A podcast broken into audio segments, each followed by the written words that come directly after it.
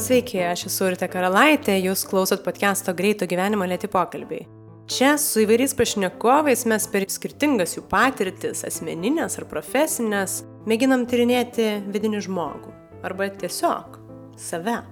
Jei podcastą užklydot pirmą kartą, tai kviečiu paklausyti ir kitų nemažiau įdomių pokalbių, kurie išeina kas antrą trečiadienį, o visus juos rasit Spotify, iTunes 15 min klausyk, kitose programėlėse bei karalaitė.com pasvirasis brūkšnys podcastas.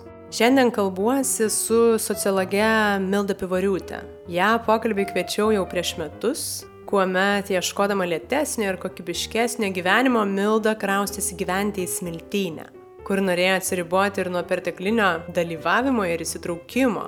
Todėl pokalbį nutarėm įgyvendinti kada nors ateityje. Tai panašu, kad tas kada nors jau atėjo, nes užklupus pandemijoje aš iškart Mildą prisiminiau kaip sociologė, kuri be abejo turėtų turėti įdomių išvalgų apie besivystančią tokia mums visai nepatirtą situaciją, bet ir kaip žmogų, kuris visai neseniai ieškojo gyvenimo sulėtinimo būdų O štai dabar visas pasaulis yra priverstas įjungti tokią žemesnę pavarą. Tai pokalbėje apjungiam šias ir kitas sociologijai įdomias platmes šiandieniniam pasaulinio virsmo scenarijui. Ir kaip Milda sako, tokią situaciją tyrinėti yra sociologo svajonė.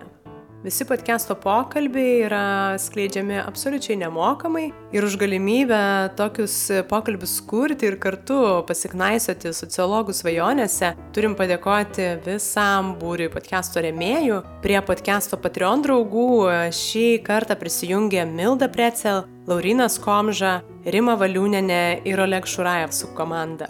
Jei norit prisidėti prie pokalbių kūrimo, tai galit padaryti skirdami kasmėnesinę sumą patreon.com pasvirasis brūkšnys lėti pokalbiai. Taip pat podcast'o kūrimą dalinai finansuoja Spaudos, radio ir televizijos rėmimo fondas ir Benedikto Gilio fondas. Podcast'o draugai, portalas 15 minučių, garso reklamos studija Drop Audio ir Vilniaus universiteto radijos stotis Start FM. Tai ačiū tikrai labai visiems už galimybę tyrinėti ir geriau suprasti tokias situacijas, į kurias pakliūname kartais tyčia, o kartais ir esam priversti.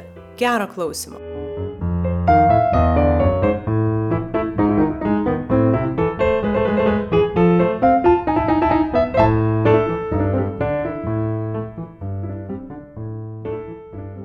Milda, aš pagalvojau pradžią labai įdomu ir nuo tavo pandemijos pradžios pažiūrėti, nes aš, jeigu teisingai pamenu, tu buvai Gruzijai tuo metu, kai viskas prasidėjo, ar ne?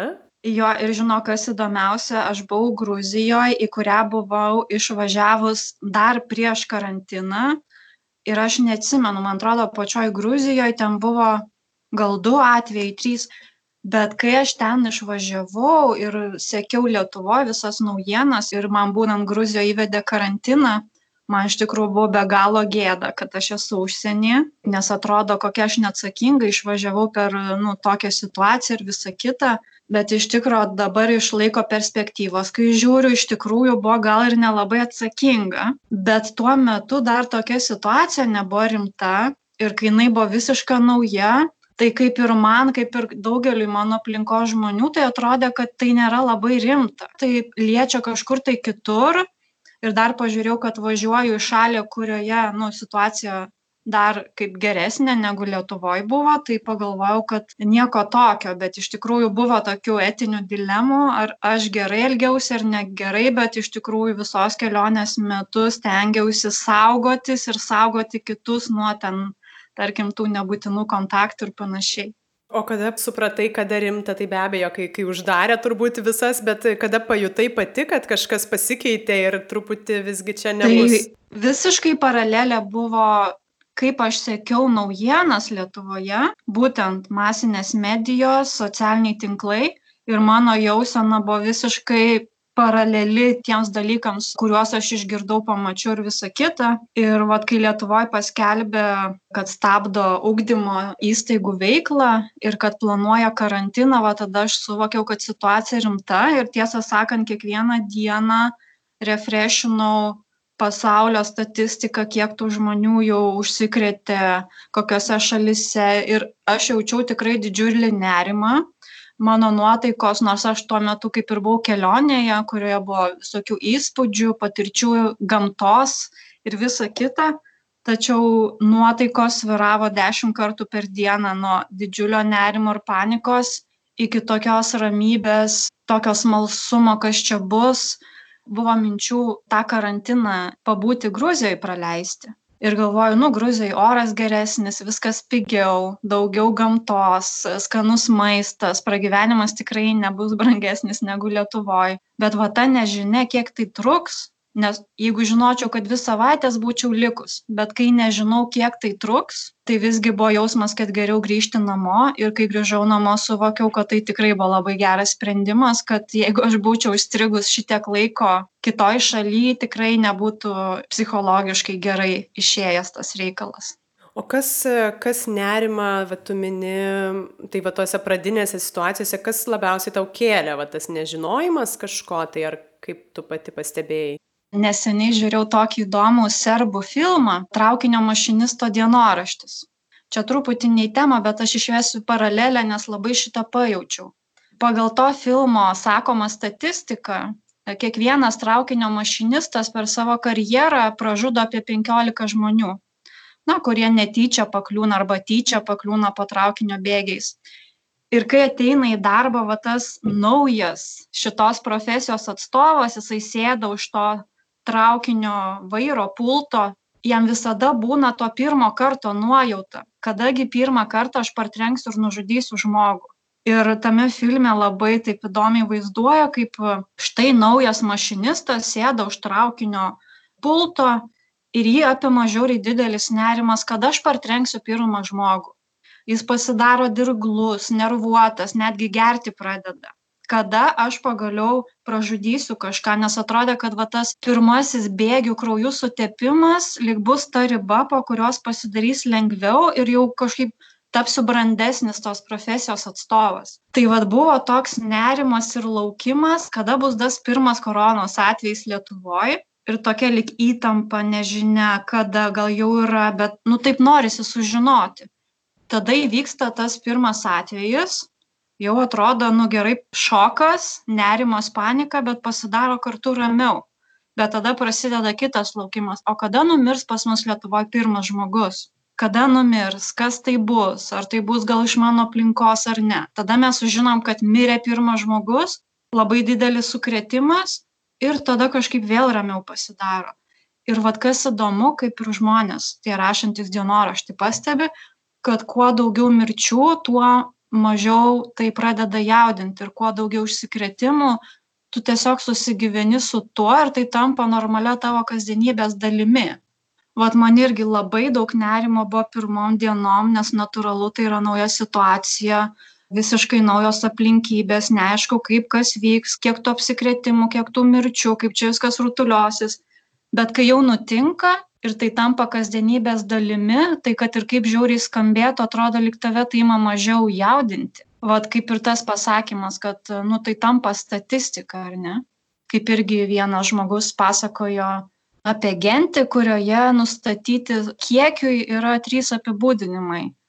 Vienas du ir daug iš tikrųjų tu gali matyt kol yra vienas kol yra keleta tai yra lyg kažkokie realūs apčiuopiami ar ne? Mes net galim pasakyti kokiom aplinkybėm ta pirmoji moteris užsikrėtė iš kur jinai grįžo kur jinai gyveno bet apie penktą dešimtą ir dvidešimtą jau mes paleidžiame tas žinias nes tai tampa kažkoks bendro buvimo dalis Tai čia įdomu, va tu ir pamini tuos dienoraščius, kuriuos tu pradėjai iš karto rinkti ir socialinėse medijose, kaip paskelbėjai, dar liktai mini, kad net nežinai, kokį tyrimą atliksi, bet jau jauti, kad va, sociologiškai šis laikas ir žmonių būsenos yra įdomios. Tai kodėl, vad jau tau sociologiai tai atrodo įdomu ir kokias išvalgas jau galbūt pasidarėjai?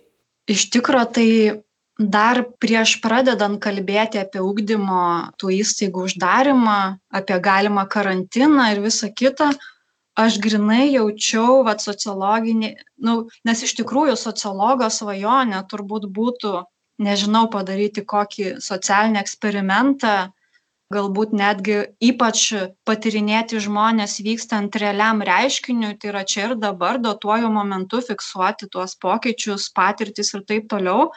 Tai aš tiesiog pradėjau spirgėti, nes, wow, tai yra visiškai turbūt per mūsų gyvų žmonių istoriją, kokie mes dabar pasaulyje esame gyvi, tai yra pirmas toks atvejis, kuris iš pagrindų sukretė mūsų gyvenimą visiškai kaip sakant, perbraižė mūsų žaidimo taisyklės kasdienybės. Kai aš dėstau sociologijos įvadą, viena paskaita paprastai būna, mes kalbame apie kasdienės žmonių sąveikas ir tą kasdienį savaime suprantamą žmonių pasaulį, tą kasdienybę, rutiną.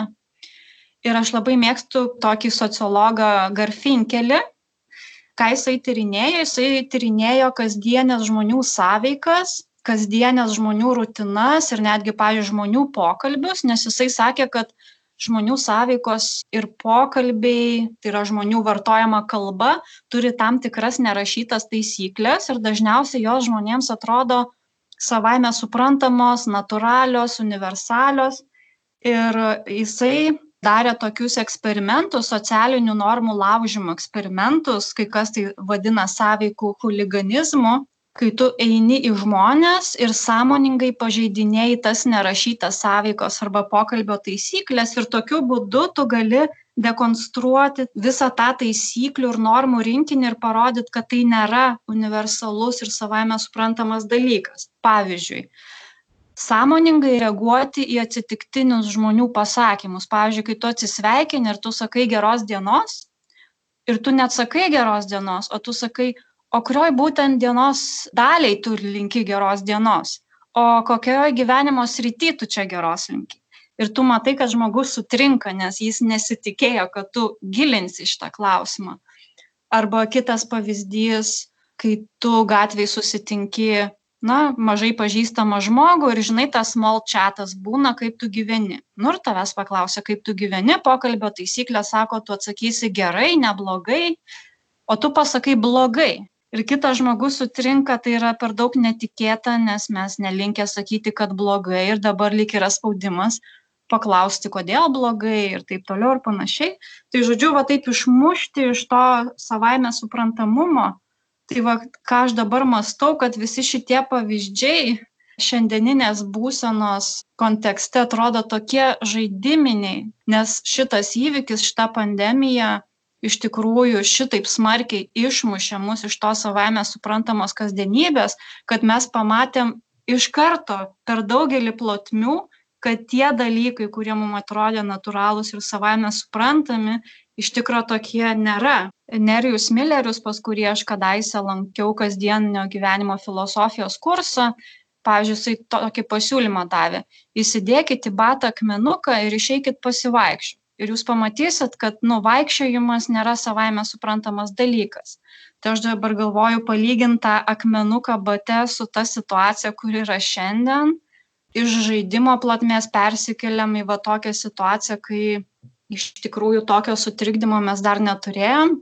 Ir, pavyzdžiui, iš dienoraščių, kas man labai kelia įspūdį, refleksijos apie tai, kaip jie eina į parduotuvę šiandien apsipirkti ir skaitant iš aprašymų, kaip vyksta pasiruošimas, kaip vyksta ir kokias dedasi galvoj, kai tu esi parduotuvė ir kai tu grįžti, tai man primena Tarkovskio filmas Stalkeris, kai jie ten ėjo į tą zoną, tai atrodo, kad šiandien žmonėms eiti į parduotuvę yra ruoštis eiti į tą zoną.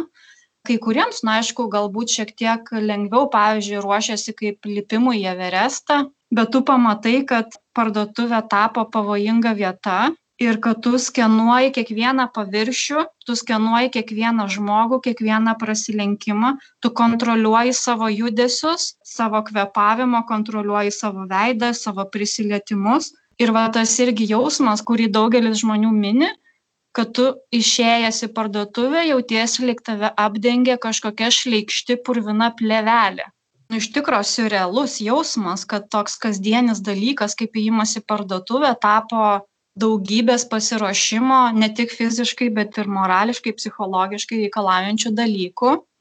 Kas irgi labai vat su tuo susiję yra tas žmonių derealizacijos jausmas. Labai daug žmonių rašo tuos pačius e, apibūdinimus. Tiesiog nesitiki, kad tai vyksta iš tikrųjų. Pavyzdys.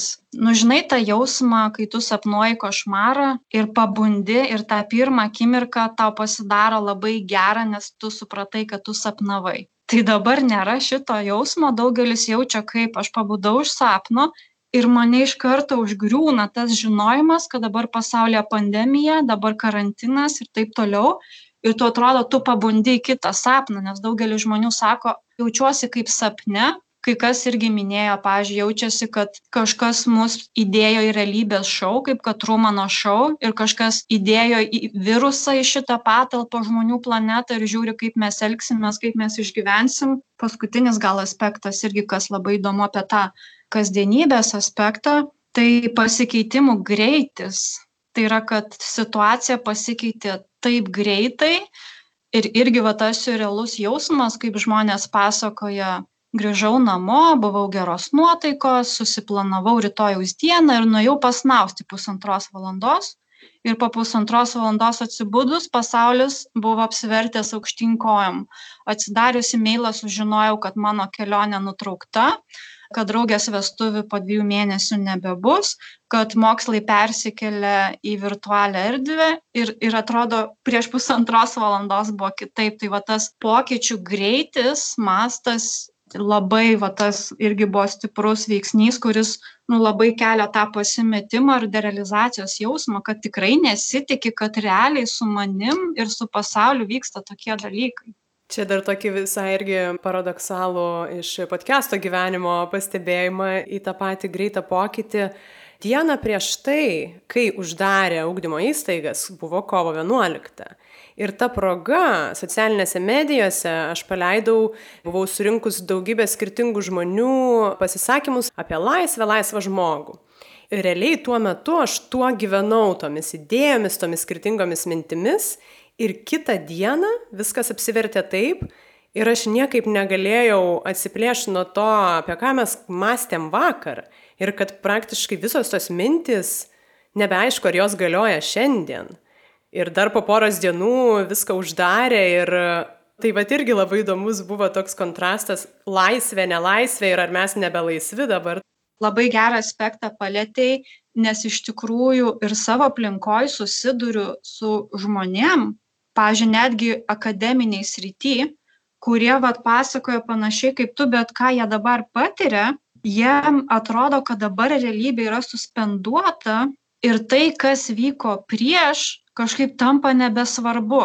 Pavyzdžiui irgi e, viena mergina kuri daro tam tikrą tyrimą socialinį sako man atrodo kad tai ką aš tyrinėju yra visiškai nebesvarbu visiškai nemeik sense sako viskas aš sustingau aš jaučiu sąstingį aš negaliu judėt toliau nes atrodo net nepatogu garsiai šnekėti anom temom kai dabar yra vat pandemija tiek žmonių patiria daug neigiamų dalykų visas pasaulis patiria daug neigiamų dalykų ir nebegali dirbti prie savo tyrimo nes jis atrodo visiškai beprasmis. Mum atrodo kad tėra tiktai virusas ir apie virusą dalykai irgi kaip aš sakyčiau derealizacijos jausmas turbūt kai visiškai viskas susitraukia iki pačio viruso Taip, tai aš dar noriu parbėgti prie to savaime suprantamo, nes čia be abejo labai daug kas pasikeitė ir vat, įdomu, apie ką tu irgi prieš gerus metus aktyviai ir domėjai ir kalbėjai apie tą bėgimą, kuris buvo irgi savaime suprantamas, apie skubėjimą,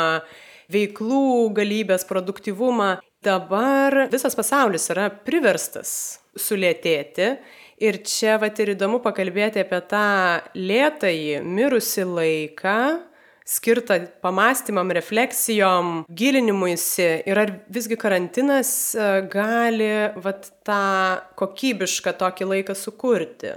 Mano atsakymas būtų tikrai gali ir tikrai negali tai kodėl gali? Tai iš tikrųjų kadangi aš pati tikrai labai daug pastarąjį mėnesį skaitau įvairių humanitarinių socialinių mokslų atstovų įžvalgų refleksijų apie visą šitą laiką ir situaciją tai iš tikrųjų labai dažnas motyvas yra tas kad iš tikrųjų šita pandemija ir karantinas gali mums suteikti šitą vat sulėtėjimą nors jis yra priverstinis bet kaip sakant iš blogų dalykų irgi gali išeiti gerų dalykų ir neva kad šitas laikas paskatins mus atsigręžti į save, į savo šeimą, reflektuoti savo gyvenimą, ten galbūt gyvenimo prasme, persidėlioti tikslus, prioritetus, vertybės ir taip toliau ir panašiai. Ir iš tikrųjų, kad tai gali būti kokybiška pauzė tokiam neveiklumui, refleksijai ir sustojimui. Tai aš pasakyčiau, kad iš vienos pusės tikrai daliai žmonių taip yra. Kodėl? Dėl to, kad kai mes esam tame bėgime, mes esam labai dideliai inercijoje. Ir labai dažnai būna, kad patys be išorinio aplinkybių mes dažnai nesugebam tos inercijos sustabdyti sustoti apmąstyti imtis kažkokių tai pokyčių nes mes tiesiog bėgam man pačiai šitaip buvo ir tada atrodo kad reikia kažkokio išorinio sukrėtimo nebūtinai labai blogo išorinio sukrėtimo kuris bent jau dirbtinai tave fiziškai sustabdytų.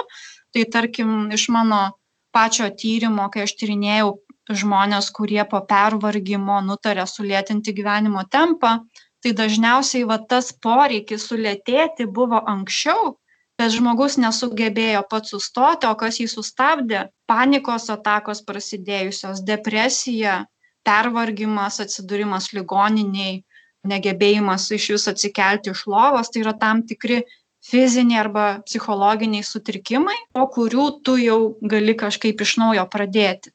Tai man atrodo kad karantinas ir šita pandemija tikrai gali būt tas nors ir baisus išorinis įvykis kuris gali išmušti žmones iš inercijos ir jie priverstinai sustoję tikrai gali imtis kažkokių tai pokyčių kurių galbūt nebūtų įvykę jeigu nebūtų buvę karantino bet kitas aspektas kad čia slypi ir nelygybė ir kiti motyvai kuria prasme.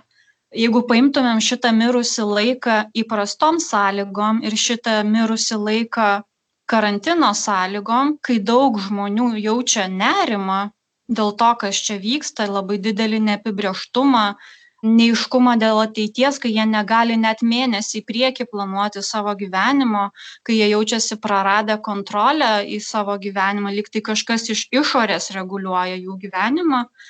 Tai klausimas ar tu psichologiškai gali nusiraminti kad galėtum įsijausti kažkokias tarkime egzistencines refleksijas prasmės klausimus jeigu tu iš pagrindų jauti nerimą nesaugumą baimę galbūt dėl savo sveikatos dėl savo finansinės padėties dėl savo šeimos padėties tai man atrodo kad šitą galimybę sustoti ir kokybiškai išnaudoti šitą sustojusį laiką kaip galimybę pokyčiams turės visgi vidurinės klasės arba aukštesnės klasės žmonių grupė. Tai yra tų žmonių grupė kurių socioekonominė padėtis leidžia jiems šį etapą išgyventi be didesnio streso ir kitas pavyzdys žinai aš kartais galvoju kad gali būti kad atsiras labai didelė nedidelė bet atsiras dalis žmonių kurie po šito karantino įstrigs suvokime kad taip gyventi kaip jie anksčiau gyveno nebenori. Tarkim juos tikrai sustabdė šitas karantinas jie pergalvojo savo tikslus prioritetus ir nusprendė kažką keisti bet jie supras kad galimybių gyventi kitaip jie šiuo metu nebeturi. Man atrodo kad karantinas gali atimti iš žmonių va tas potencialias galimybes anksčiau turėtas kažką keisti nes atsižvelgiant į ekonominę situaciją į darbo rinką kokius iššūkius patiria ekonomika ir darbo rinka tai žmonės jau dabar praranda darbus tai mano manymu labai daug žmonių gali pamatyti kaip galimybes tiesiog užsiveria kažką keisti. Tai jeigu žmogus pavyzdžiui svarstė galbūt jis jau nori nutraukti netenkinančius santykius arba jis nori išeiti iš nemėgiamo darbo tai dabar per karantiną gali išryškėti tai kad tas jo nemėgiamas darbas beliko vienintelė saugi zona kad jis galės iš to tiktai iš to pragyventi nes tų kitų pasiūlymų paprasčiausiai nebėra arba jeigu finansinė situacija pasidarė labai nepatogi tai galbūt likti tuose nenorimuose santykiuose bus tiesiog praktiškai patogiausias būdas nes kitaip nu žmogus neišgyvens.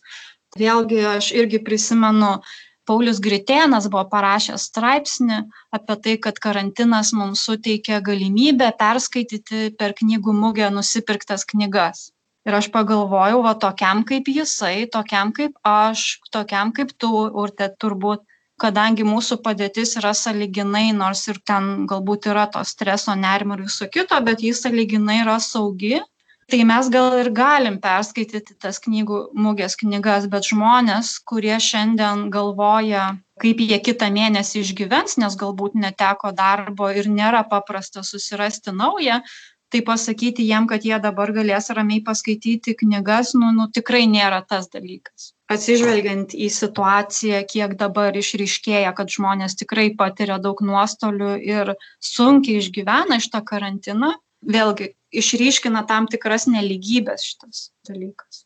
Taip, ir aš įsivaizduoju, kad ir socialinė atskirti gyvenantys žmonės iš tiesų turbūt ilgainiui ir žiūrint, kiek ta krizė tęsis, gali ta atskirtis ir didėti.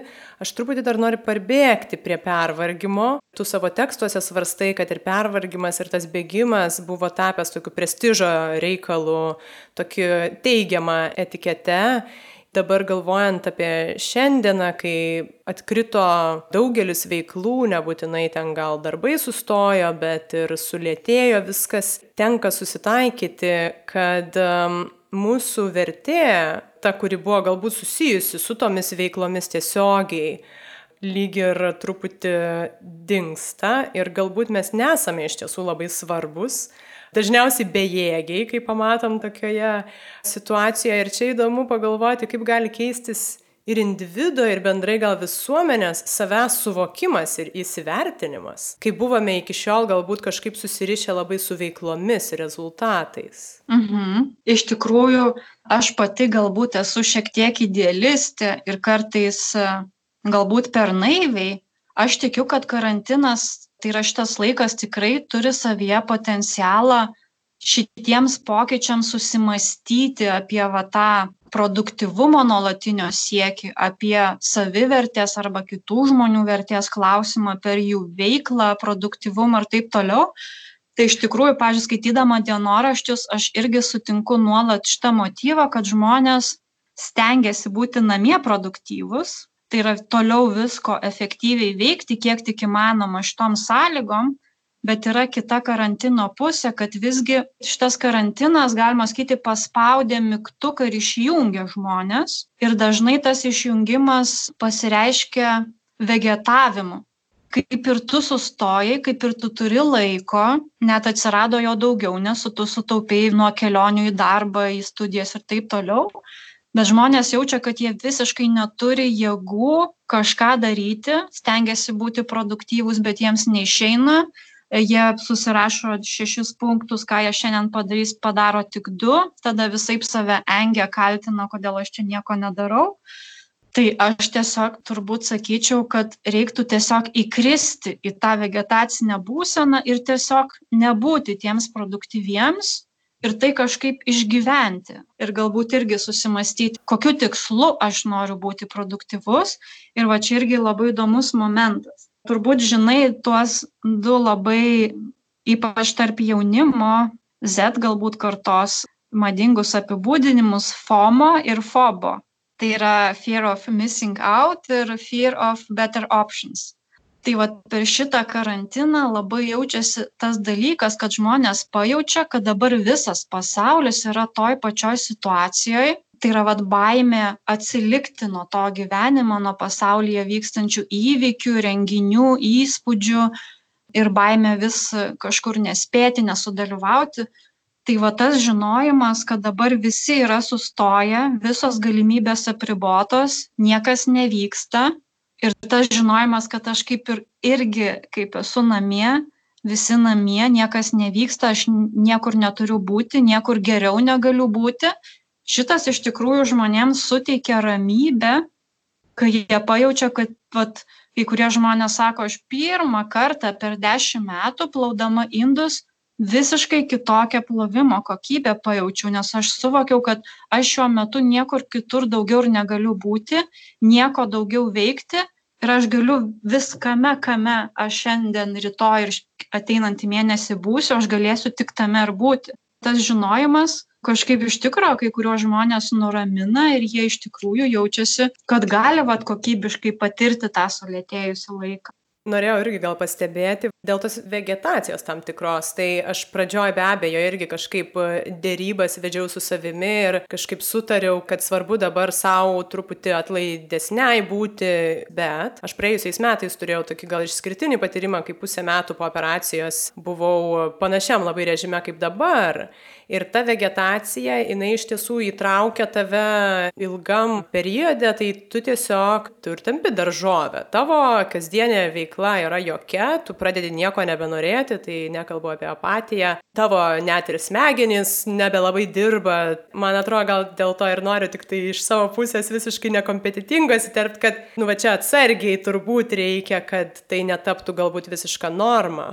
Labai geras pastebėjimas ir aš gal dar, dar kitą pastebėjimą. Nu, aišku, čia ir labai e, naivi, banali išvalga, kad šitie dalykai labai priklauso ir nuo tiesiog asmenybės, ar ne, nuo, nuo psichologinių kiekvieno žmogaus niuansų, bet bent jau ką aš išsiriškinau stebėdama žmonės per šitą karantiną, kad visgi žiūrint ilgojoje perspektyvoje yra labai naudinga žmonėm mokytis būti vieniems vėlgi aš labai nemėgstu naudoti tų daug žmonių arba ten daugumai, nu, ne, bet daliai žmonių yra labai sunku ilgesnį laiką pabūti su savimi.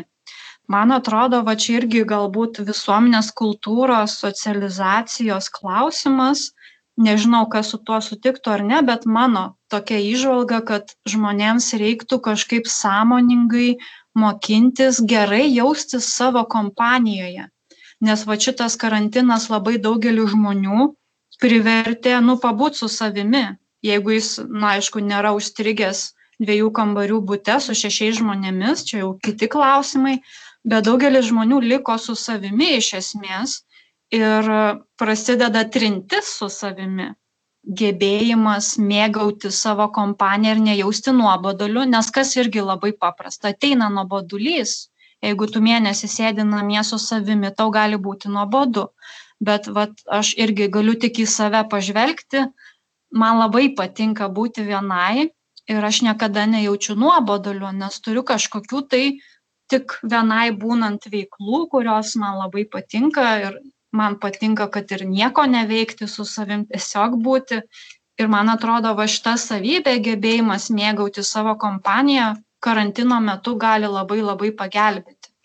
Nes irgi gal nuskambės keistai, nepaisant to, kad aš tikrai labai daug galvoju apie kitų žmonių situaciją ir jinai tikrai kelia nerimą, tikrai daug visokių emocijų ir jausmų, bet jeigu nusileisti savo asmeninį lygį, tai šitas mėnesis buvo mano svajonių mėnesis. Tai yra šitą mėnesį aš nebuvau nei karto persikėlus į Klaipėdą, nes aš smiltyniai gyvenu, tai nebuvau kitą krantą nuplaukus, nebendravau su jokiu kitu žmogum gyvai išskyrus su savo draugu. Ir iš tikrųjų tai buvo laikas, kai aš galėjau nepertraukiamai ir ištisai pabūti viena, Dėl to buvimo su savimi, va įdomu, nes tu į smiltinę persikraustėjai prieš metus ir prieš tai mini, kad kažkokių tai, na, tokių pamastymų jau, kad savo tempą sulėtinti norisi ir tos atskirties pabandyti.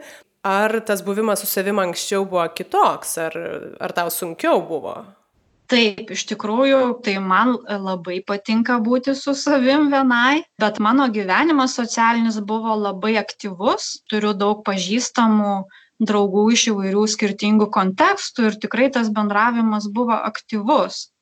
Ir ką aš pastebėjau kai tu esi gyveni mieste aš dar gyvenau senamiesty kur pastoviai kas nors eina pro šalį ir nori užsukti į svečius išgerti arbatos bent pusvalandį ir daugiau netrukdysiu ir va tas pusvalandis prie pusvalandžio tiesiog žinai kaip yra tu jautiesi kažkoks sudirgęs nes tu jautiesi kad bet kurią akimirką gali pasikėsinti į tavo laiką ir tave pertraukti o tu nori ilgo nepertraukiamumo. Tai vat kai tu gyveni mieste ir esi lengvai pasiekiamas savo socialiniam ratui tai yra labai sunku vat gauti tą nepertraukiamą buvimą kas irgi įvyko persikrausčius į smiltynę, tai buvo tiesiog va toks fizinis atsitraukimas, nukirtimas savęs nuo va tos aplinkos, kurioje tu gyvenai.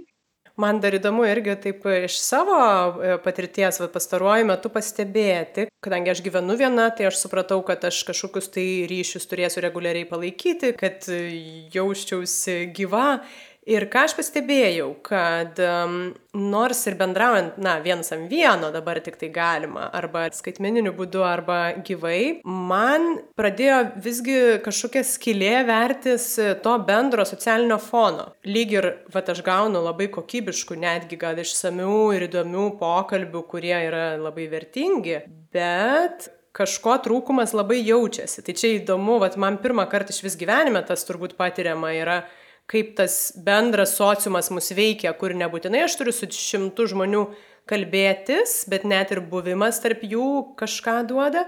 Na, jeigu galim paspekuliuoti, jeigu reikėtų gyventi tokiu režimu visą laiką, atsiskyrus, kokia ateities visuomenė kurtųsi, kas, kas tada yra visuomenė, kai jinai tokia iš vienetukų jau tampa? Čia labai sudėtingas klausimas, ir iš tikrųjų aš aš tai nežinau. Aš sakyčiau kad labai daug šitame visame dalyke tuose pokyčiuose labai daug yra įpratimo. Kad žmogus visgi yra labai netgi skaičiau greitai prisitaikantis. Tam tikri dalykai tampa nu rutina. Kaip pavyzdžiui atsimeni kai tik žmonės pradėjo nešioti kaukes tai yra kad dauguma nenešiojo bet kai kurie nešiojo būdavo labai keista gatvėje pamatyti žmogų su kauke, net tai kažkokią baimę sukelia, nenormalu labai. Bet šiandien tapo įprasta, kad žmonės su kaukiam ir kai tu pamatai žmogų be kaukės, šitai tampa kažkaip netgi neįprasta, gazdina ar ne. Man atrodo, kad tam tikri dalykai, kad ir kaip jie pasikeistų, jie laikui bėgant taps rutinos dalimi o kalbant apie tą persikėlimą į virtualybę ir to fizinio kontakto nebuvimą tai aš sakyčiau čia irgi galima žvelgti kad tai labai blogai paveiks žmones nes iš tikrųjų netgi visokių karantinų kurie jau anksčiau yra buvę tyrimai rodo kad kuo ilgiau trunka karantinas tuo tai blogiau veikia žmonių psichinę sveikatą ir ta saviizoliacija nu nėra geras dalykas psichinei gerovei bet daugelis žmonių vat irgi mano dienoraščius e, rašantys kai kurie žmonės sakytų, kad tą fizinį kontaktą jiems visiškai kompensuoja pokalbiai per Zoomą, pavyzdžiui, ir jiems netgi tai žymiai labiau patinka, jie gali savo būte gyventi visą gyvenimą, tai gali būti ir sporto klubas, ir grožio salonas, ir taip toliau, ir darbo vieta, ir jiems visiškai pakanka to kontakto per telefoną arba per kompiuterį o kiti žmonės rašo šitaip, kad jie jaučiasi, kad jie yra žuvytės akvariume, tas akvariumas pastatytas priešais vandenyną, tu iš to akvariumo turi ten ir augalų akvariume, ir maisto, ir kitų žuvyčių, bet tu matai pro akvariumo langą vandenyną ir tu jauti, kad tai nėra tikra. Tame akvariume, kur tu esi, nėra tikra ir ten nėra gyvybės. Ir norisi visgi plaukti į tą vandenyną, kur tu jauti, kad tai yra gyvybė tai vieniems žmonėms tas visgi fizinis kontaktas nu, yra labai svarbus ir tie prisilietimai ir gal tas pats kvapas natūralu, nes žmonių komunikacijos didelis procentas yra ne tik, ką jie sako, balsas, bet ir akis, kaip jie atrodo, kokia jų neverbalinė kūno kalba ir taip toliau. Aš matau, kad tai yra ir daug galimybių, bet ir daug pavojų tai yra kad tai gali ir teigiamai paveikti ir neigiamai. Bet vat kas kitas dalykas ką aš irgi prisiminiau kalbant apie tą visuomenę arba tarkim bendruomeniškumą labai daug žmonių pajautė didžiulį poreikį savanoriauti šiuo metu. Ir netgi tie žmonės kurie vat buvo žmonių kurie prarado darbą ir jie žino kad šiuo metu jie geresnio nesusiras jie turi pinigų išgyventi du mėnesius į priekį. Jie nusprendė tiesiog tikėti, kad po dviejų mėnesių viskas susitvarkys, o dabar, kad neįnikti į tą blogą būseną, į apsvarstymus apie tą padėtį, jie nuėjo savanoriauti ar į koronos karštąją liniją, ar tarkim į sidabrinę liniją bendrauti su vyresnio amžiaus žmonėm. Tai yra žmonės atrado įvairių būdų, kad jie jaustųsi reikalingi ir jie patys sako kad jie jaučia didžiulį aplinkoj bendruomeniškumo jausmą kai žmonės stengiasi padėti vieni kitiems ir viena mergina man labai patiko jinai netgi parašė, kad jai savanorystė yra maišto prieš esamą padėtį forma, nes e, dabar yra labai daug beviltiškumo aplinkoje, kad tikrai žmonės jaučiasi beviltiški, nes jie negali niekaip keisti situacijos. Tai nepriklauso nuo mūsų, tai jau priklauso nuo išorinių įtakų. Ir jis sako, šitam beviltiškumo kontekste imtis veiksmo, jai atrodo labai geras pasipriešinimo būdas, kad parodyti visgi, kad mes neplaukiam pasroviui, bet mes stengiamės jau kiek įmanoma valdyti situaciją ir padėti vieni kitiems. Tu gali ne neiti į globalią plotmę daryti pokyčius, bet savo daugiabutyje pažiūrėti, kuo tu galėtum prisidėti. Tai tas e, matymas, kad žmonės turi tą poreikį ir nori padėti, ir beje tai netgi padeda jiems išgyventi šitą sunkų laiką, nes tai, kaip ir minėjau, tu nukreipi dėmesį ne į save, bet tu nukreipi dėmesį į kitus ir per tai matydamas, kad tu padedi kitiems, tu ir pats gerai jautiesi. Taip, aš norėjau čia irgi pridėti, kad čia turbūt truputį yra susijęs su tuo, vat, ką prieš tai palėtėm, kad veiklos lygų vertė galbūt ir tas reikalingumo jausmas bendruomeniai. Ir staiga, kai užsidarom tuose akvariumuose, galbūt be veiklos ar su mažiau veiklų, be įsitraukimo į bendruomenę, ta vertė ir, ir reikalingumas pasauliui iš tiesų truputį sudreba ir vat gal tokios priemonės tą truputį padeda palaikyti.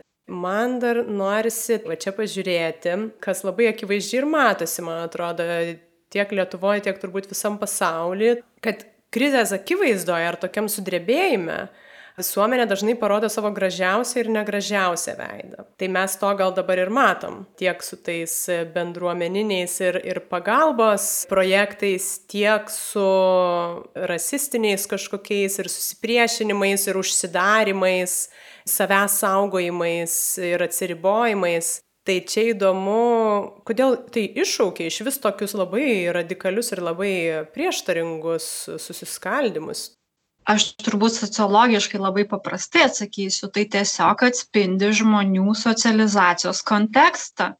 Kokioj kultūroje tu užaugai, kokia buvo tavo socialinė aplinka, kokia buvo tavo šeima. Ir mes dabar tiesiog matom, kad žmonės, turėdami skirtingus savo gyvenimo kontekstus, labai skirtingai elgesi. Ir, pažiūrėjau, ką aš labai pastebiu, yra labai didelis prieštaravimas na tarp tų visų kurie tiki mokslu dabar ką mokslas sako apie situaciją ir tų kur neva vadovaujasi sąmokslo teorijom ar ne tikrai yra susipriešinimas didelis tarp to kokiais tu šaltiniais tiki ir panašiai. Ir pavyzdžiui aš daug ir apie save mąsčiau bet čia gal biškį į kitą kryptį truputį pakrypau nes matau susipriešinimą dėl tos įvairios informacijos. Tai iš tikrųjų, ką aš labai ryškiai matau tose dienoraščiuose ir savo aplinkoje ir šiaip stebint žmonės, kad visus labai labai veikia ta prieštaringa informacija, kurią mes dabar matom masinėse medijose. Ir kas sunkiausia šiandien žmogui, kad paprastai, kai žmogus jaučiasi kriziai, nu jam kažkas ten atsitiko ar visa kita, pavyzdys, sugedo mašina, tu žinai kad yra ekspertai tu paskambinsi ir jie tau sutvarkys. Jie žino kas tai mašinai atsitiko. Tai yra tam tikra ekspertinio žinojimo sistema. Tu pasitiki tam tikrais ekspertais kurie tikrai turi informaciją kaip išspręsti problemą. Šiandien e, vat situacija yra unikali tuo kad net patys ekspertai turi skirtingas nuomones skirtingas prognozes skirtingas interpretacijas ir va tas žinojimas kad nėra to autoriteto kuris yra aukščiau tavęs ir kurio prireikus blogoj situacijoj tu galėsi pasiklausti kaip čia reikia elgtis. Nes tie patys ekspertai jiems tai yra nauja situacija tai yra naujas virusas neaišku kokios bus jo pasekmės nėra vakcinos neaišku kada jinai bus. Tai yra daug neapibrėžtumo netgi ekspertinėj srity. Ir tada vat šitas leidžia kaip sakant ir žmonėm kelia labai daug nerimo ir panikos. Nu vat klausimas o kuo tikėti man šitoj situacijoj kai yra neaišku? Ir vat kaip tik užvakar aš su vienu tokiu labai protingu žmogum tokiu labai kritišku žmogum kalbėjom apie vat šitą dilemą kuo reikia tikėti nes mes pasidalinom nežinau kygolis kuris ten dabar daug rašo apie tas visokias vakcinas situaciją ir visa kita mes pasidalinom nuorodą ir abu pažvengėm, o tada susimastėm. O iš kur žinot, o gal jisai ir teisus? Mes iš karto užmetam stereotipinį mąstymą, pamatom jo veidą, turim iš ankstinės žinias, iš karto jį nurašom ir juokiamės, bet o gal jis ir teisus kažkurioje vietoje, kuo tikėt? Tai mes vat priėm tokios nuomonės, kad galbūt šitoj koronaviruso pandemijos situacijai, kai yra daug prieštaringų žinių ir klausimas, kuo tikėtis, kai skirtingi šaltiniai tau sako skirtingus dalykus, tai galbūt praktiškiausia būtų tikėti tuo, nuo ko bus mažiau žalos, jeigu pasirodys, kad tu esi neteisus. Nes jeigu aš priimsiu nuostatą kad šitas koronavirusas yra nesąmonė jis ten niekuom nesiskiria nuo gripo jo mirčių kiekis lemiamų nėra niekaip išskirtinis negu ten nuo kitų ligų reiškias aš ir atitinkamai elgsiuos. Mažiau saugosiuos kelsiu riziką kitiem. Ir jeigu aš būsiu teisus tai viskas gerai. Bet jeigu aš būsiu neteisus aš padarysiu visuomenei daugiau žalos. Tai jeigu šitoj situacijoj aš priimsiu nuomonę kad čia iš tikrųjų viskas yra labai rimta aš atitinkamai elgsiuos atitinkamai saugosiuos laikysiuos karantino taisyklių. Ir jeigu aš esu teisi tai visuomenei nuo to yra geriau bet jeigu aš esu neteisi tai irgi nuo to niekam blogiau nėra. Tai man atrodo galbūt geriausia priimti tokią laikyseną nuo kurios jeigu tu būsi neteisus nukentės mažiau žmonių ir sukels mažiau rizikos. Ir beje kas yra labai juokinga kad šitam pokalby tas žmogus man atsiuntė nuorodą į straipsnį kuriame antrojo pasaulinio karo metu kareivis per minų lauką neša asilą ir mintis buvo tokia kad kai yra neaiški situacija pavyzdžiui tu eini minų lauku gal sprogs gal nesprogs tu nežinai. Bet asilui tas yra visiškai nesvarbu. Jam neegzistuoja minos tai tu turi apsaugoti tą asilą kad jis per savo situacijos rimtumo nesupratimą kitų nepražudytų. Ir mes pakalbėjom kokia tai yra gera mintis kad iš tikrųjų tarkim pandemijos situacijoj reikia kažkaip saugotis žmonių kurie nesuvokia situacijos rimtumo nes gal geriau yra persistengti saugantis negu nedasistengti. Ir kas buvo juokinga po minutės jis man parašo oi paaiškėjo kad čia feikinė nuotrauka. Kad nuotrauka tai tikra bet iš tikro yra iš kito visai karo kur asilas buvo visiškai pervargęs ir ilgai nevalgęs ir kareivis jį tiesiog nešė dėl to kad asilas pats negalėjo paeiti. Ir mes vėlgi pasijuokėm kad netgi vat ką tik parodė kad kaip yra sunku pasitikėti informacija nes atrodė va čia tai geras šaltinis yra ir tas žmogus toks labai kritiškas protingas ir pats pasimovė ant ant kažkokios informacijos. Tai ir liko tas klausimas kaip pasitikėti informacija Tai tikriausiai šiandien iš tiesų labai sudėtinga šimtų procentų, bet e, galbūt tai ir nėra įmanoma vien permąstymas ir savęs klausimas kiekvieną kartą klaustuko bent jau iškėlimas ar čia yra dvejonė ar ar kyla bent kokių abejonių ir ar galima kažkur pasitikrinti jau yra žingsnis. Dar tada norisi pagalvoti jeigu va sakoma yra čia turbūt liaudies išmintis sako kad žmogus perėjęs ugnį nebebijo ugnies tai žiūrint į dabartinę situaciją mes mes visi kartu einam per šitą labai sudėtingą patirtį kurios dauguma iš mūsų nieko panašaus e, nėra patyrę ir aš nežinau ar galima palyginti socialines grupes kurios išgyveno karą ar panašias traumines patirtis kurios vėlgi kaip ir visos patirtys kaupiasi ir formuoja mūsų supratimą elgseną turbūt. Tai kaip tokia patirtis galėtų keisti bendrai mūsų visuomenės elgseną, pat mūsų grupė, kuri šiandien išgyvena šitai?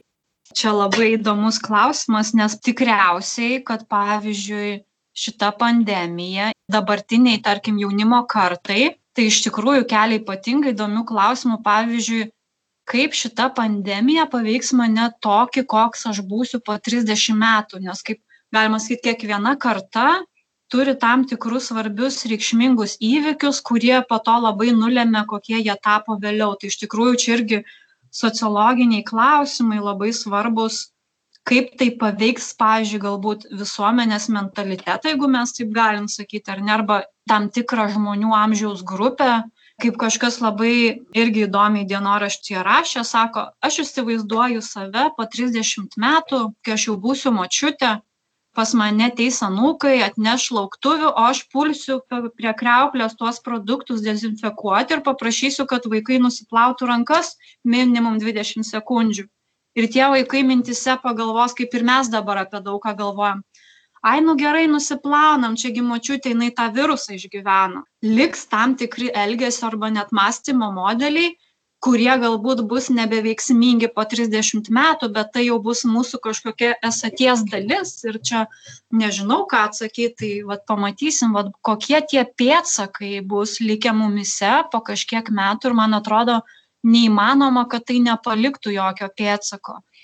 Irgi vat sau tokią metaforą sugalvojau skaitydama dienoraščius kad kartais man va šita va pandemija ir žmonių susigyvenimas su šita pandemija galima pasitelkti vaikų stovyklos metaforą. Aš nežinau kaip tau urte buvo bet žinau kad man taip yra buvę ir kai kuriem vaikam kad dažniausiai tu labai nenorėdavai važiuot į stovyklą kokią nors vaikų vaikystėj ir tave tėvai išsiunčia tu būni nepatenkintas piktas tau čia ne lygis šitie nauji vaikai tu turi ten savo chebrą kieme ir visa kita bet po truputį po truputį tu susibendrauji tau pradeda patikti ir viskas perauga į tai kad tu nebenori iš ten išvažiuoti ir kai atvažiuoja tavęs pasiimti tėvai tu verki nes tau čia labai buvo faina.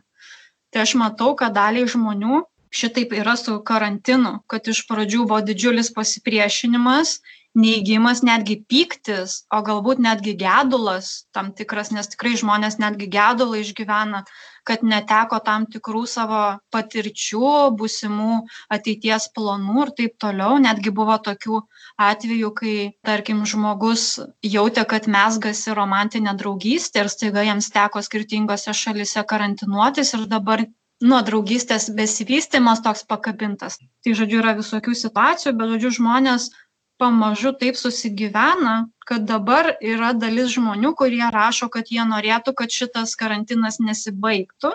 Ir kai jie išgirsta apie karantino švelninimą po kelių savaičių kas daug kam sukelia džiaugsmą tai jiems sukelia nerimą kad o ne aš nenoriu kad tai baigtųsi. Va tas man yra įdomu kad žmonės yra tokie skirtingi ir jie įdomių reakcijų parodo ir kaip susigyvena ir kaip reaguoja Galvojant dabar apie kažkokius teigiamus karantino ir pandemijos dėmenis, tu pati asmeniškai lyg ir mini, kad ir va, tas sulėtėjimas ir atsitraukimas tau naudingas, kaip va, tas duotas sąlygas per prievartą galima būtų išnaudoti vertingiams tikslams ir, ir, ir visuomeniai. Tai vienas iš tų dalykų vertingiams tikslams, tai yra va, žmonių išteklius pakreipti į savanorystę, pavyzdžiui, ar ne? Nes iš tikrųjų galima klausti, kam žmonės dabar paskirs tą laiką kurį būtų paskyrę pavyzdžiui nebūtinųjų prekių ir paslaugų vartojimui kelionėms susitikimams. Tai yra tikrai atsiranda daugybė laiko rezervo kuris būtų anksčiau išnaudotas kažkam.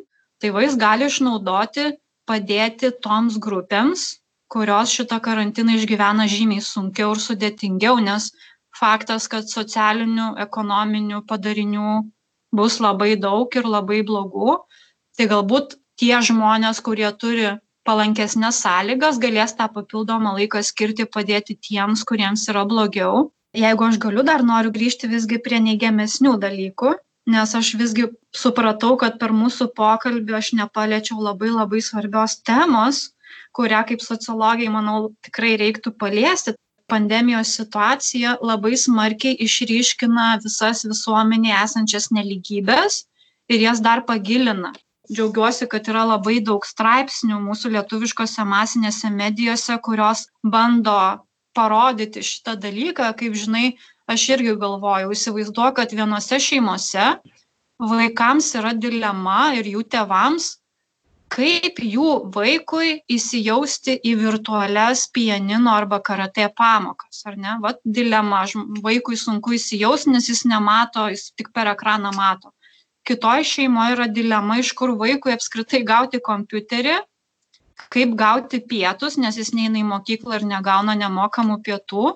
Ir jeigu jau jis gauna kompiuterį, jis neturi stalo, kaip jam galima susikaupti iš vis atlikti būtiniausius mokymosi procesus. Arba tarkim, jeigu šeimoje yra trys vaikai ir, jie, ir šeima gyvena dviejų kambarių būte, visiems trim vaikams reikia kompiuterio ir tuo pačiu metu skirtingose klasėse mokytis. Kaip šitą suderinti, ar ne? Tai yra visiškai skirtingi iššūkiai. Kita mintis, irgi man labai patiko vieno sociologo, nepamenu kokio, kad savizoliacija visgi yra viduriniosios ir aukštesniųjų klasių privilegija, galimybė likti namuose per pandemiją, nes didžiai daliai žmonių, kurie dirba nekvalifikuotą darbą, na kaip pavyzdžiui kasininkės ar net ten vairuotojai, kurjeriai ar kažkas, tai jie negali sau leisti likti namuose ir jie privalo dirbti rizikos sąlygomis. Irgi tokia nelygybė. Kitas pavyzdys irgi labai nu kokie yra tie mastai.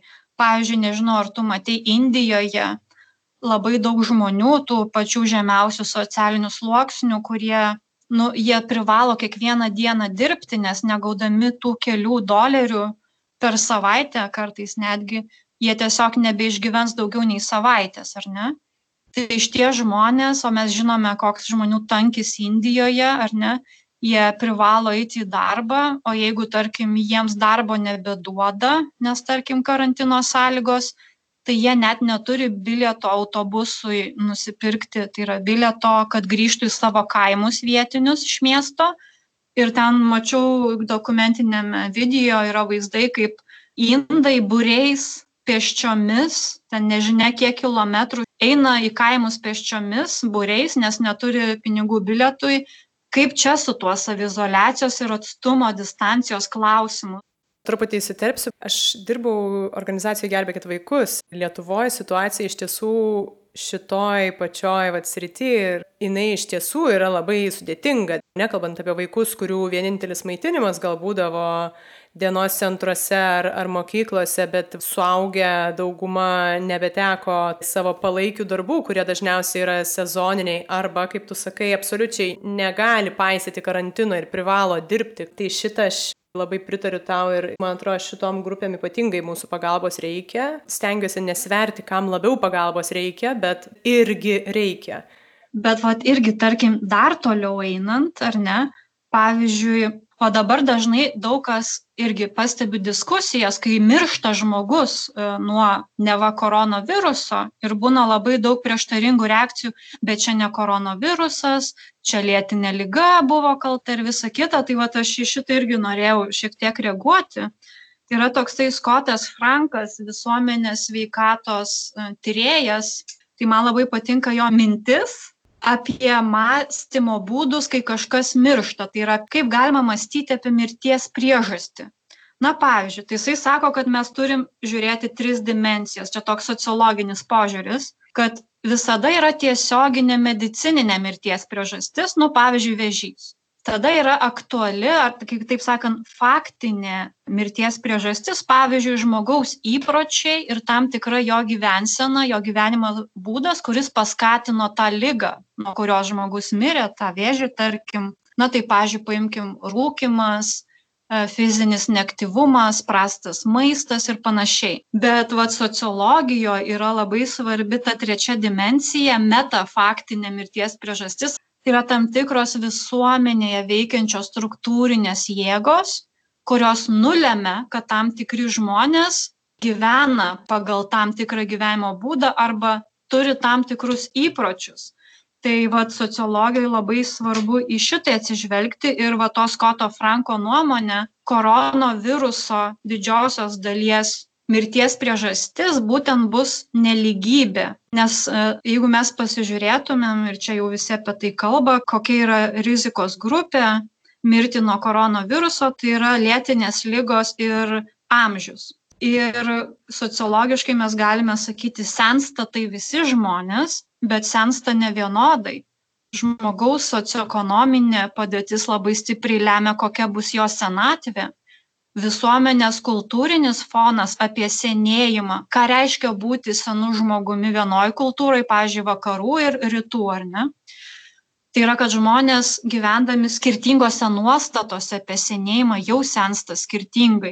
Tai va čia irgi slypi tam tikros neligybės, pažiūrėjau, apie lėtinės lygas. Irgi galime pamatyti, kad lė, sergamumas lėtinėmis lygomis labai susijęs su žmonių socioekonominė padėtimi. Ir tada klausimas, ar žmogus pats kaltas, kad jisai, tarkim, turi prastą mytybą, ar tai yra tam tikri visuomenės struktūroje esantis dalykai, kurie tai nulėmė ir man labai strigo iš dienoraščio vienos merginos refleksija. Tai yra jauna mergina, kuri serga lėtinė lyga, bet jinai dirba, jinai visiškai save išlaiko. Kaip pati rašo, labai žmonės mėgsta iškart sakyti, kad moka mokesčius visuomeniai, nes taip maždaug parodoma jo vertė.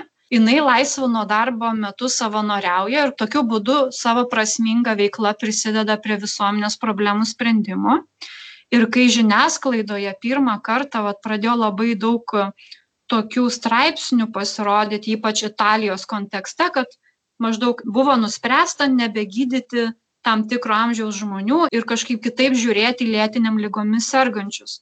Tai jai tai labai smarkiai sukėlė tokių klausimų, kad jinai pasijuto kaip nurašytas žmogus, jinai pradėjo savo kelti žmogaus vertės klausimų ir atrodė kad jos liga staiga tapo esminis jos komponentas kad tai kad jinai dirba nesiskaito kad jinai savanoriauja ir prisideda prie visuomenės gerovės nesiskaito staiga aš tampu liga ir mano gyvybė tampa mažiau vertesnė negu kitų žmonių nes irgi va tos antraštės maždaug šiandien mirė penkiasdešimt žmonių bet viskas gerai keturiasdešimt iš jų sirgo lėtinėm ligom maždaug nu tai čia mažiau turi kažkaip mus paveikti. Tai va tas irgi labai jaučiasi, nu kažkoks va toks nuvertinimas.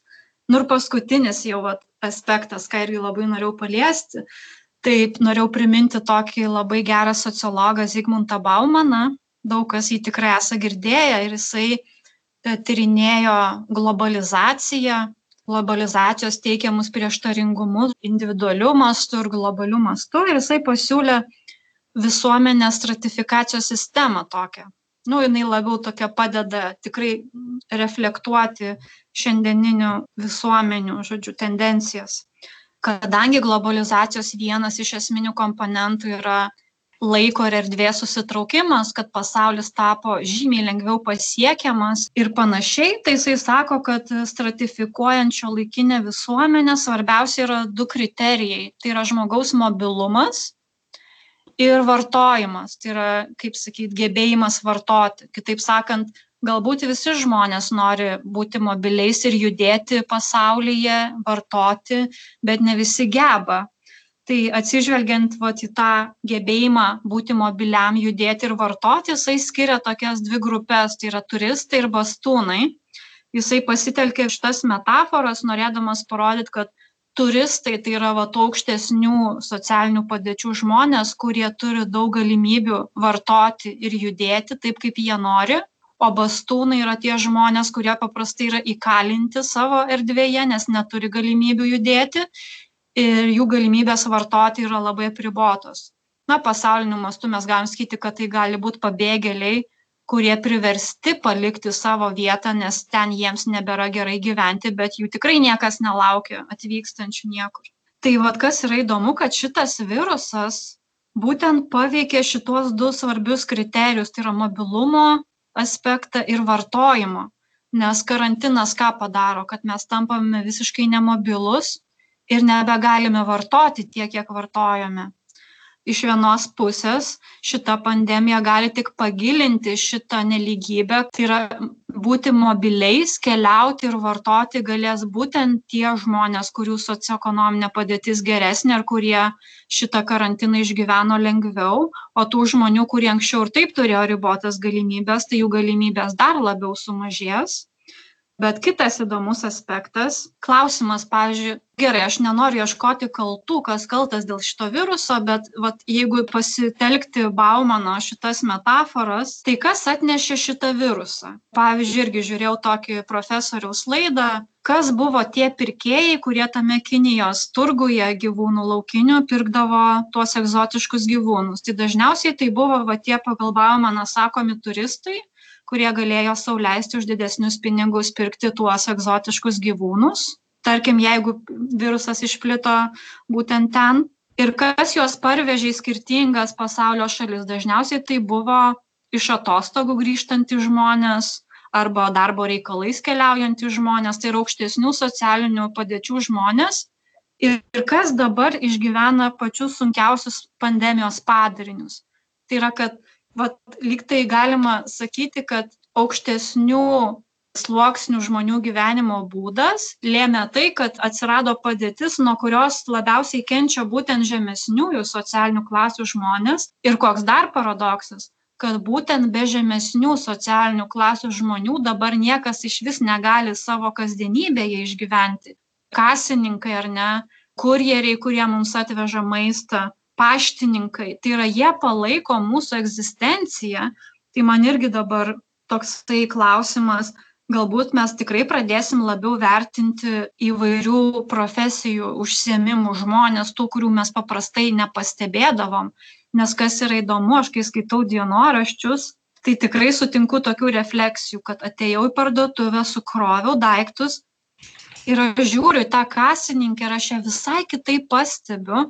Man pasidarė svarbu, ar jinai geros nuotaikos, man pasidarė svarbu jos neišgazdinti, elgtis atsakingai, sukelti į kuo mažiau grėsmės. Aš pastebėjau, kad kurjeris man nusišypsojo, kad jis geros nuotaikos, nors atrodo turėtų būti blogos. Tai yra toks jausmas, kad tie žmonės, kurių mes nepastebėdavom, dabar jie tampa pastebimi, nes jie labai stipriai palaiko mūsų kasdienybę, kad jinai dar galėtų kažkaip normaliau vykti. Tai vat irgi mano galbūt pozityvesnė išvada, kad galbūt mes labiau prisiminsime ir imsime labiau vertinti iš to žmonės, kurių paprastai net nepamatom, arba jų darbą nuvertinam kaip kažkokį tai vat žemesnė kvalifikacija, tai jau darbas nesvarbus. O pamatom dabar, kad jis yra labai svarbus. Taip, Milda, tai nors tikrai kažkokių probleminių ir konfliktinių situacijų šitoj visoje kriziai išvelgi ir jos tikrai yra ir, ir nenorime jų slėpti. Ir iš tiesų ačiū tau galbūt ir už tai, kad aiškiau jas nupiešė ir tas žinojimas ir supratimas, manau, kad irgi žmonėm padeda persvarstyti kam mes dabar labiausiai esame dėkingi kasdien už tai, kad turime valgyti ir galime tikrai komfortiškai dauguma mūsų kalbėtis ir svarstyti, pavyzdžiui, tokius dalykus. Tai dėkui tau labai už mintis. Ačiū tau.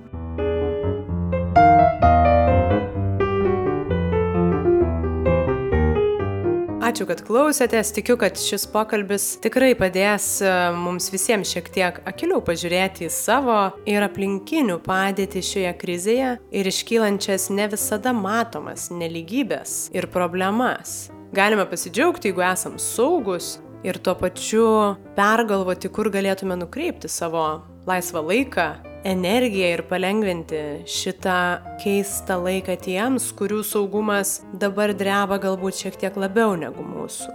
Nepamirškit sekti podcast'o Instagram ir Facebook paskiruose, ten visada dalinuosi pokalbio anonsais, užkulisiais ir įvairiausiam rekomendacijom. Podcast'o kūrimą dalinai finansuoja Spaudos, radio ir televizijos remimo fondas bei Benedikto Gylio fondas.